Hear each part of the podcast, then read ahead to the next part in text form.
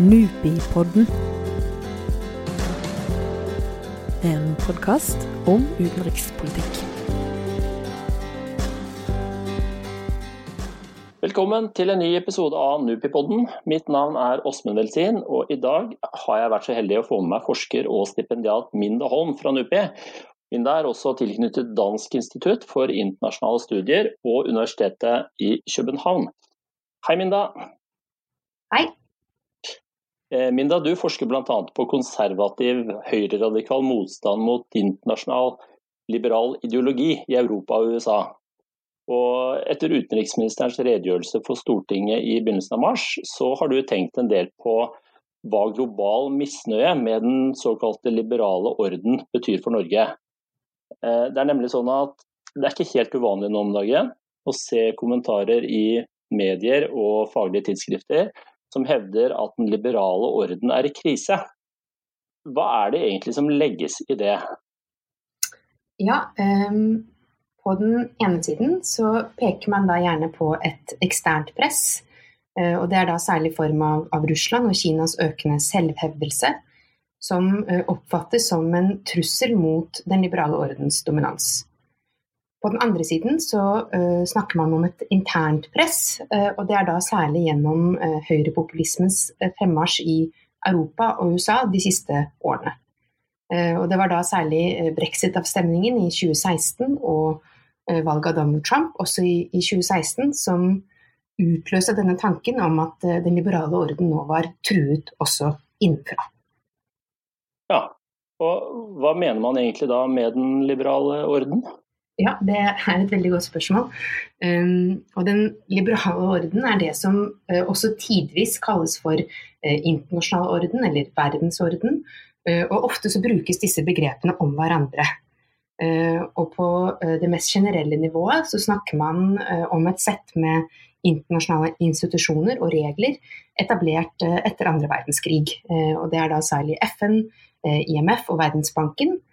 Eh, institusjoner som eh, i stor grad har vært avhengig av eh, amerikansk tilslutning og, og støtte. som også da vil si at man gjerne har snakket om en amerikanskledet verdensorden. Mm. men for å da svare mer direkte på spørsmålet ditt, så er det ofte noe uklart akkurat hva som menes med den liberale orden. Selv om da mange er enige om at denne orden er i en form for krise.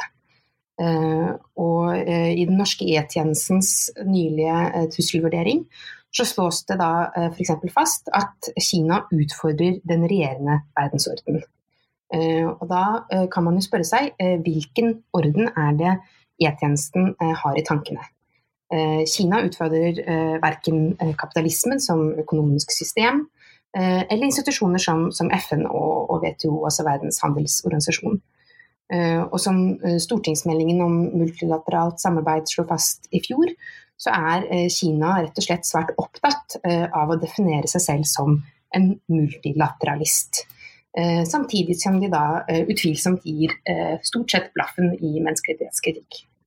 Nettopp. Dette er litt sammensatt med andre ord. Vi trenger kanskje en begrepsavklaring? Absolutt. og vi trenger ikke minst en historisk eh, begrepsavklaring. Altså hva er det som egentlig ligger i eh, det liberale. Og selv om man gjerne snakker om den liberale internasjonale orden som et etterkrigsfenomen, så har den hatt to historiske hovedformer. Den ene fulgte etableringen av FN i 1945, og dreide seg da altså først og fremst om institusjoner og samarbeid mellom stater Eh, parallelt med en visjon om at eh, katastrofene fra andre verdenskrig ikke skulle gjenta seg. Eh, og så har du da den andre formen, som fulgte etter den kalde krigens slutt i, i 1989. Eh, som var en internasjonal orden som dreide seg stadig mer også om verdier og ideologi. Eh, I tillegg til da en videreføring av eh, samarbeid og institusjonene fra etterkrigstiden. og disse to Formene for liberal orden har eh, åpenbart mange paralleller og mange overlapp. Eh, men de har da på ingen måte vært eh, identiske, selv om de begge har vært ledet av USA. Hva, hva tenker du på da? altså for, å, ja, for, å, gå litt dypere inn i det, så så man fra 1945 at internasjonal politikk ble stadig mer regelstyrt og stadig mer institusjonalisert. og det internasjonale samfunnet, eller liberale orden, handlet da først og fremst om å regulere forholdet mellom stater. det var da det internasjonale samfunnets mandat. Eh, og eh, etter 1989 så handlet det internasjonale samfunnet, eller den liberale orden, også stadig mer om å regulere forhold innad eh, i stater. Dvs. Si i å regulere hva slags form for styringslogikk som stater fulgte på hjemmebane. Og da særlig om de var liberaldemokratiske eller ikke. Dette er, en, dette er jo en, ganske viktig forskjell som du, du liner opp nå. Eh, ja, eh, absolutt. Og jeg tror det er en forskjell som kanskje ikke så mange er eh, klar over. I hvert fall ikke når vi snakker om ja, liberale orden i krise i dag. Ehm, eh, det er en viktig forskjell, samtidig som de spenningene mellom da ulike ideer om liberal orden har vært der hele tiden. Og folkerettsjuristen Jerry Simpson ved London School of Economics kaller dette for de to liberalismene i det internasjonale samfunnet. Eh, og da den ene, som vant frem med etableringen eh, av FN i 1945, eh, kaller han for charter liberalism, altså en form for paktliberalisme, med referanse da til FN-pakten, hvor det internasjonale samfunnet er vare på å stille krav til hvordan medlemsland styrer på hjemmebane. Dvs. Si i hvilken grad de f.eks. er demokratiske eller ikke. Uh, og dette er da en, en, liberalisme som er knyttet til uh, ideer om toleranse uh, og mangfold for ulike styresett. altså en, en, form for internasjonal versjon av den liberalismen som er knyttet til mangfold på hjemmebane for folks ulike levemåter.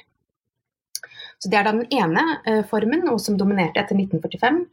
Og den andre formen så kaller Simpson det for en liberal antipluralisme. Eh, hvor da hvordan en stat ser ut på hjemmebane, er også avgjørende for dets inkludering i det internasjonale samfunnet. Eh, og spenningen mellom disse to liberalismene har eh, ligget der hele tiden. Men det skjedde da et skifte for 30 år siden i hvilken form som dominerte.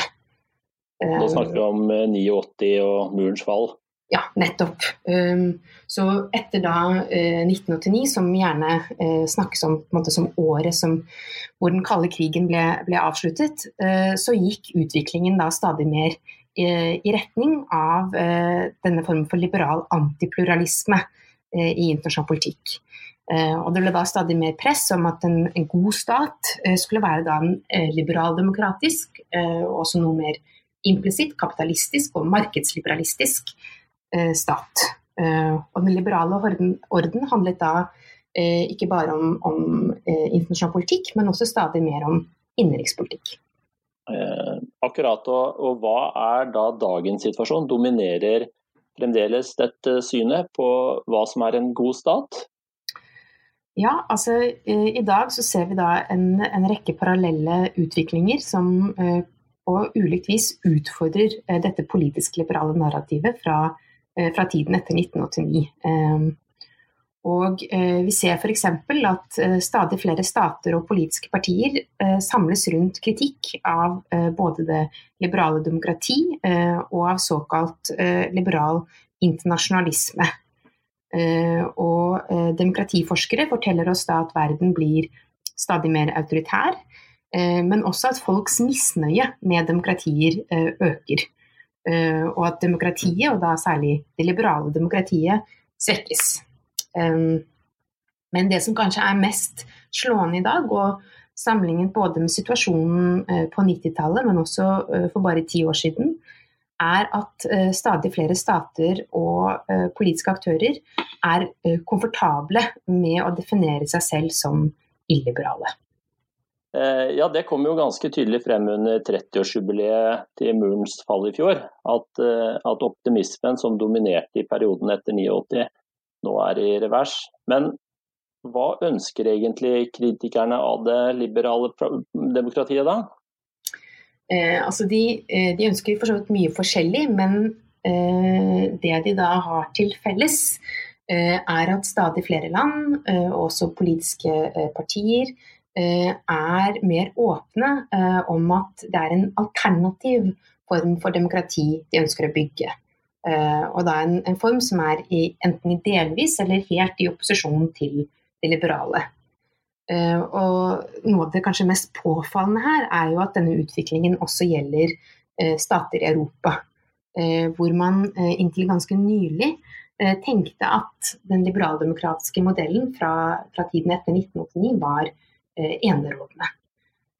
og nå ser vi da til dels en motsatt tendens enkelte steder hvor eh, myndigheter eh, som den ungarske og den polske eh, snakker om at det er de som er rollemodellen for hva Europa skal være.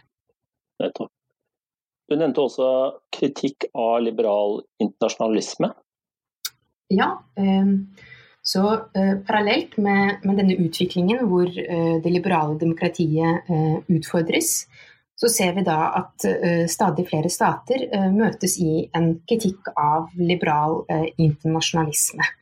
Um, og på mange måter så er dette aktører som egentlig ikke har så veldig mye til felles ideologisk, altså Kina, Russland, Venezuela, Iran, høyreradikale i Europa.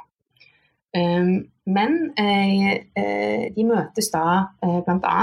i en kritikk av såkalte liberale dobbeltstandarder. Ehm, og hovedmisnøyen er da med, med selvdefinerte liberale staters atferd i internasjonal politikk. hvor det da særlig snakkes om Irak og Libya. Men også den mer generelle tendensen med at uh, vestlige stater har uh, kritisert uh, en rekke land for å ikke følge verdier som vestlige land kanskje ikke alltid har vært like gode på å følge selv. Nettopp, og så har vi jo Trump, da.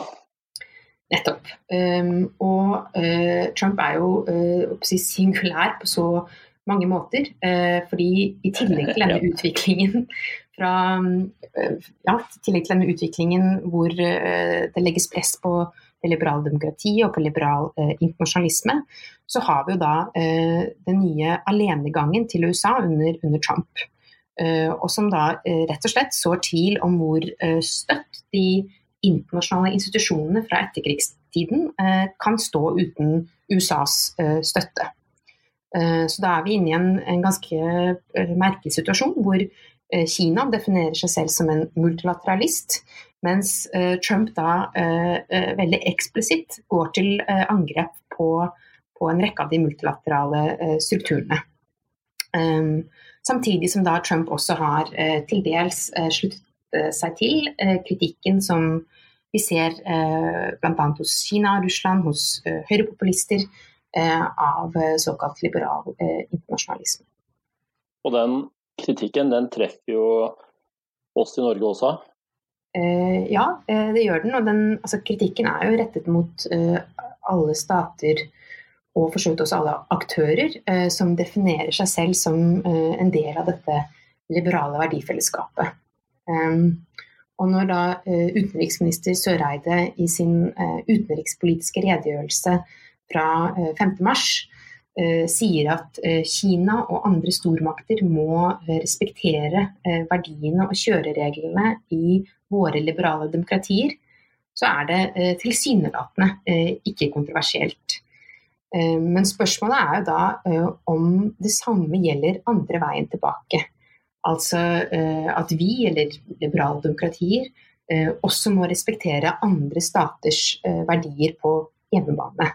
Eh, som er da bl.a. Kina og, og, Russland eh, presser for. Um, men et, altså et uuttalt eh, premiss, til dels tidvis uttalt, i norsk utenrikspolitikk er jo selvfølgelig at vi tillegger det liberaldemokratiske en særegen moralsk verdi. Altså at vi mener at det er bedre.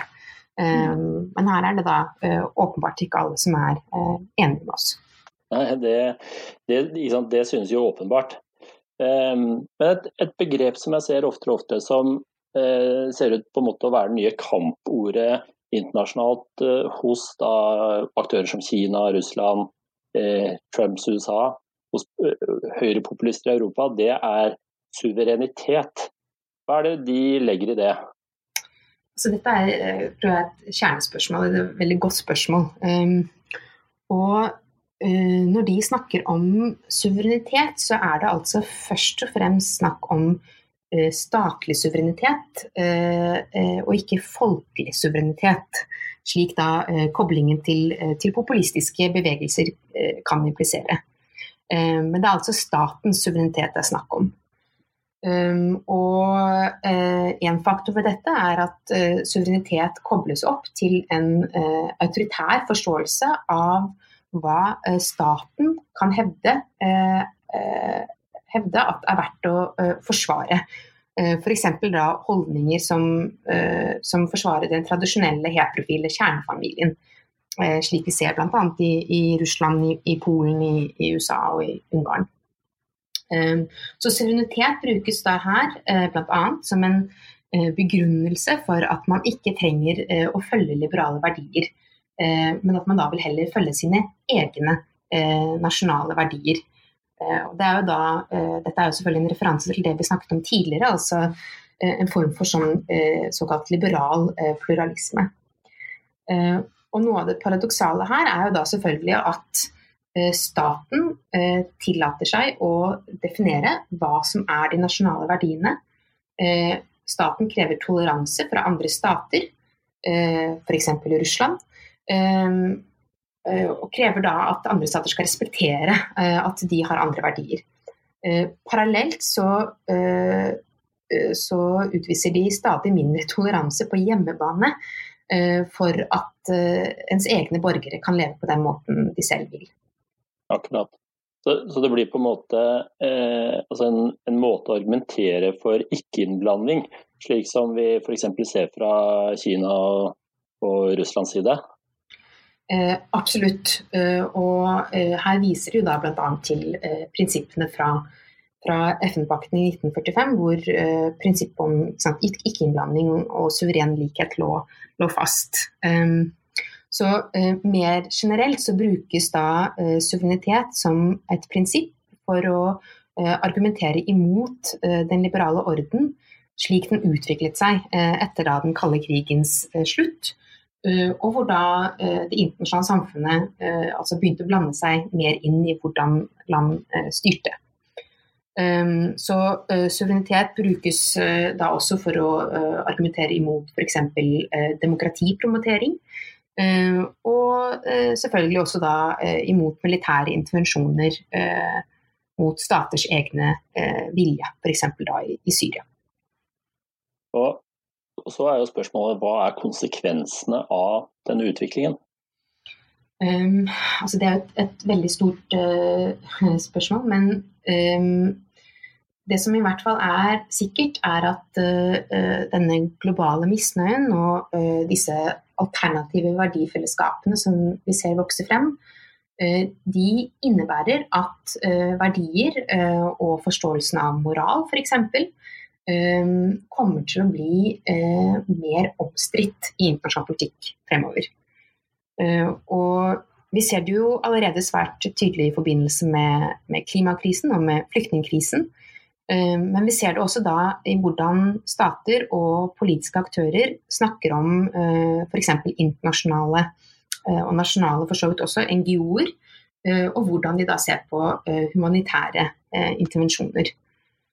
Så det vil da En viktig konsekvens er da at utviklingen fra 90-tallet og medio 2000-tallet, med da større åpenhet for humanitære intervensjoner, Eh, denne utviklingen er nå eh, til dels eh, i revers. Og vi er da rett og slett tilbake til en ganske grunnleggende uenighet om hvor, hvor grensene for det internasjonale samfunnet skal gå. Men, men, den uenigheten gjelder den på alle områder? Det virker, jo, det virker jo likevel som det er noen ting som består? Absolutt, og det, det, jeg, det er et veldig godt og viktig spørsmål.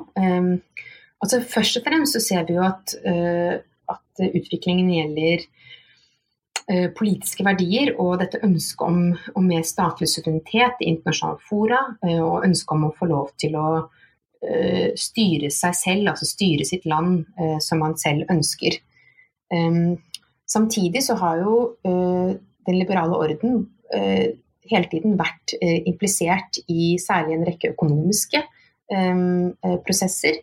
Og selvfølgelig deriblant kapitalismens spredning. Og en veldig anerkjent økonom som heter Branko Milanovic, som kom med en bok nå i fjor som oppsummerer, oppsummerer denne utviklingen med at vi er alle kapitalister nå.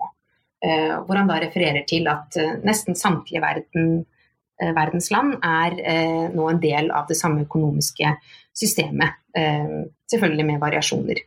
Men, men, noe av poenget er jo da å fremheve at uh, verken Kina eller uh, Russland eller de uh, høyrepopulistiske partiene uh, i Europa som søker politisk makt, ingen av disse aktørene vil egentlig utfordre Eh, kapitalismens dominans. Riktig. Og det er jo selvfølgelig på godt og vondt.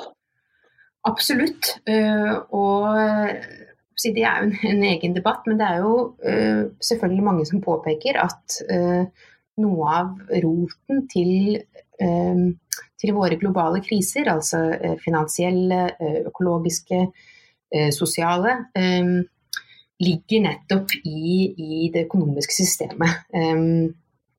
Og på mange måter så kan man da si at noe av denne utviklingen vi ser, f.eks. med, med høyrepopulistiske partier, er først og fremst kanskje et symptom heller enn løsningen på disse globale krisene. Ja, så det er én side ved det her. Så er det et annet poeng er jo da å understreke at verdikonfliktene som vi snakker om her, selvfølgelig også utspiller seg internt eh, i eh, det vestlige liberale verdifellesskapet. Eh, og dette er jo da eh, bl.a. som uttrykk for en ganske dyp og ektefølt eh, misnøye hos mange folk. Eh, særlig i kjølvannet av, av, finanskrisen, av eh, eurokrisen og av eh, flyktningkrisen. Um, og da Det får meg til å tenke på Eh, hvordan da altså Utenriksminister Søreide eh, snakket i, i, redegjørelsen fra mars om at det var et stort verdi- og interessegap mellom Russland og Vesten. Men faktum er jo da at dette verdi- og interessegapet uh, er også stadig økende internt i Vesten.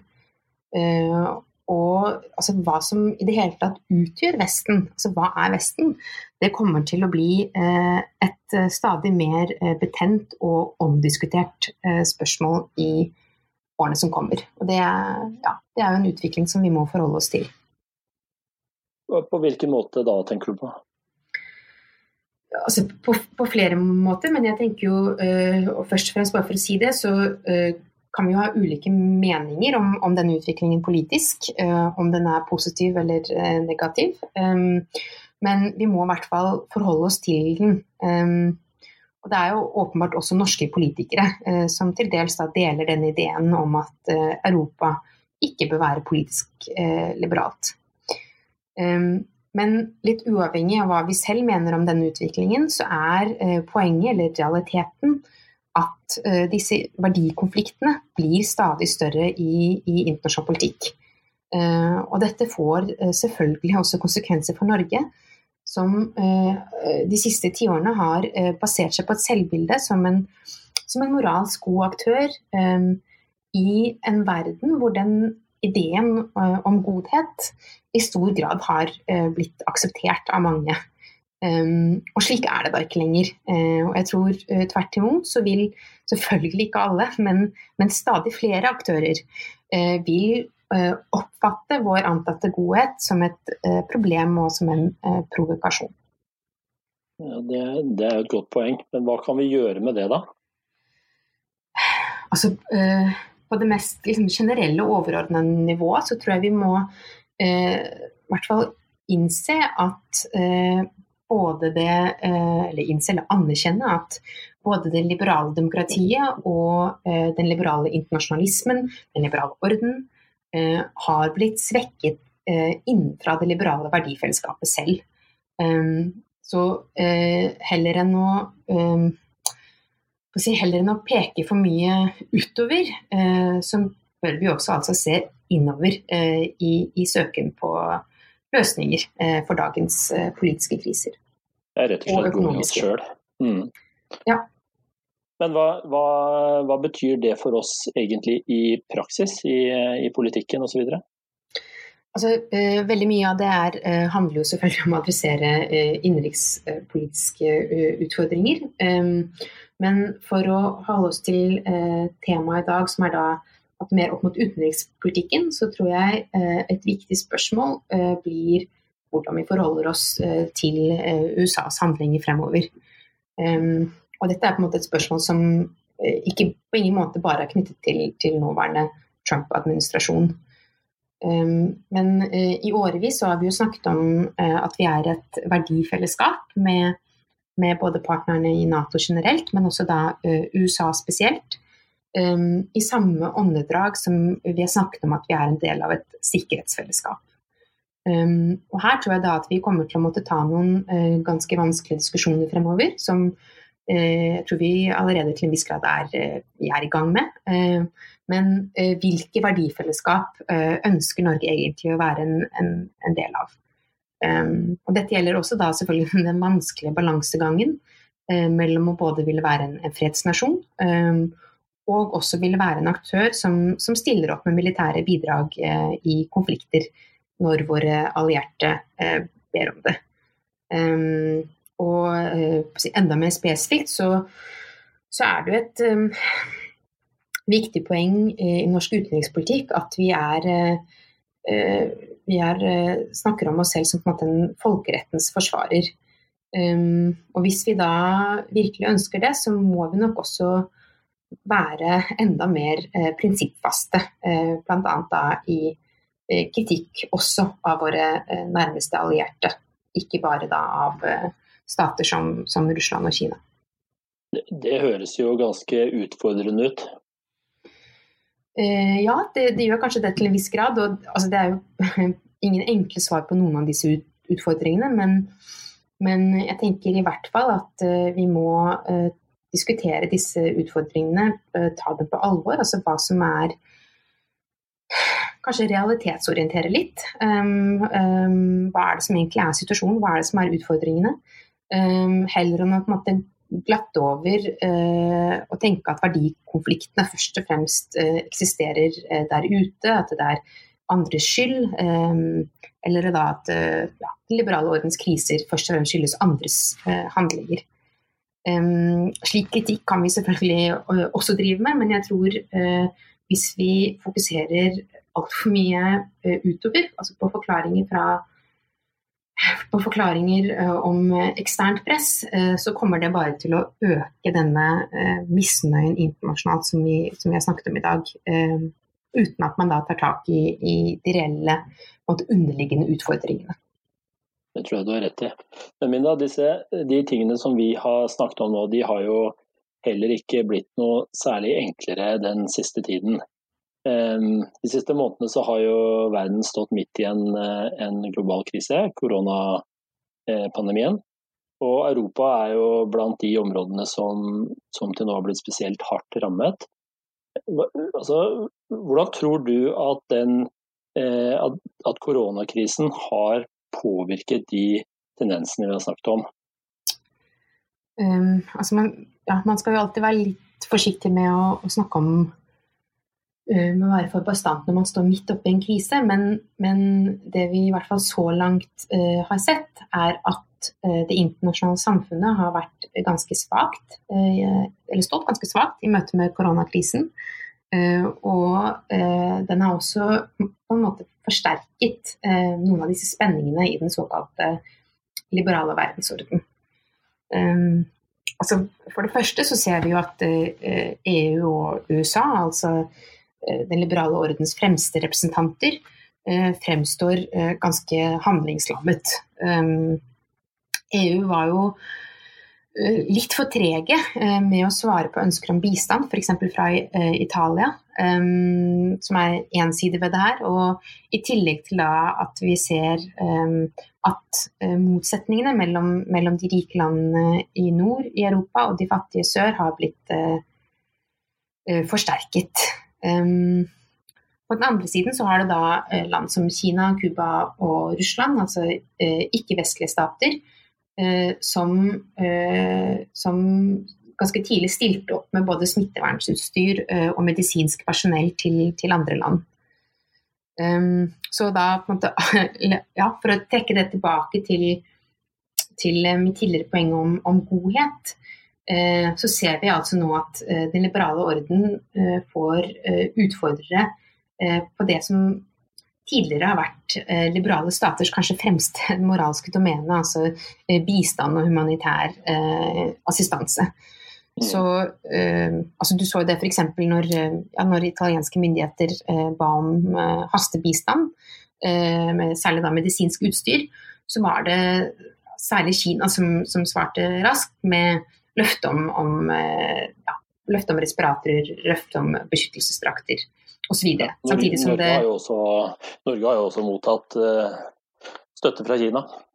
Absolutt. Så det, det er en støtte som, som har gått ganske uh, bredt ut. Den har også vært mye omdiskutert. Og vi ser jo også det har vært en del debatt rundt kvaliteten på noe utstyr bl.a. Men, men inntrykket, og særlig i starten, var i hvert fall at at måte, ja, særlig EU og, og USA eh, ikke klarte å stille opp eh, når, når, land ba om det. Ja, og jeg tror nok den eh, Der vil vi nok eh, se en utvikling etter hvert. Men, men det, det, inntrykket fra, fra, starten av krisen var ganske sterkt. Og Samtidig så ser vi da at uh, Verdens helseorganisasjon, altså WHO, um, på noen måter så spiller det jo uh, en viktig rolle som, uh, som en internasjonal autoritet. Um, samtidig så har de jo ikke nok økonomisk støtte. Og når skoen trykker, så er det da de nasjonale myndighetene som må ta de store valgene, men også da konsekvensene av de valgene. Um, ja, så med andre ord så har eh, krisen så langt forsterket denne tendensen med at eh, det internasjonale samfunnet svekkes. Eh, og statens rolle blir stadig mer, mer viktig, på godt og vondt. Um, og selvfølgelig altså, USAs tilbaketrekking av støtten til, til Verdens helseorganisasjon understreket jo også nå i hvor stor grad USA faktisk er en trussel mot den, den multilaterale etterkrigsorden. Nettopp. Så for å, for å oppsummere på, på, på internasjonalt nivå, da, så, så, har forkjemperne for den liberale orden eh, de har vært handlingslammet. Og internasjonale institusjoner har blitt svekket på bekostning av nasjonalstatene. Eh, men, men eh, hva, hva, skjer på nasjonalt nivå? Altså, eh, på nasjonalt nivå så ser vi da at eh, så langt så har eh, krisen bl.a. Forsterket noen av de illiberale tendensene som vi har sett de siste årene. Um, og altså Det snakkes nå om at det er litt over 100 stater som enten har unntakstilstand eller noe som ligner på en, på en unntakstilstand. Um, og altså, I krisetider så aksepterer jo folk gjerne mer statlig inngripen, og eh, aksepterer også ofte mer eh, tilsidesetting av av de verdiene som eh, vi vanligvis forbinder samfunnet vårt med. Um, og vi har jo da sett bl.a. I, i Ungarn og i Israel um, iverksetting av kriselover som gir myndighetene omfattende, omfattende makt til å gå utenom uh, vanlige lover og regler. Uh, og uh, Norge er jo her heller ikke et uh, unntak, selv om kriseloven her endte opp med å bli revidert etter motstand fra ja, bl.a. årvåkne eh, jurister.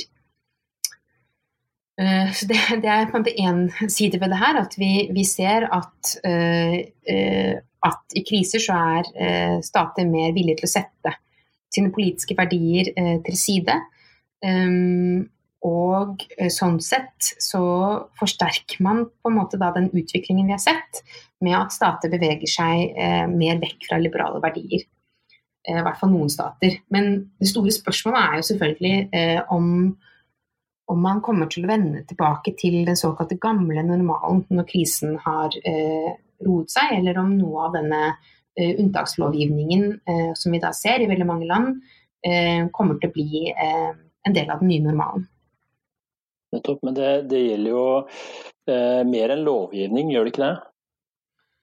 Ja, absolutt. Altså, dette, eh, koronapandemien utfordrer jo eh, veldig mange eh, aspekter ved, ved global eh, politikk, også innenrikspolitikk. Men eh, noe av det kanskje syns jeg, noe av det interessante her er jo også at, at pandemien utfordrer noe av det som høyrepopulistene, også at Kina og Russland, ikke egentlig har utfordret eh, i særlig stor grad. Altså eh, kapitalismen som globalt økonomisk system og markedsliberalismen som, som styringslogikk.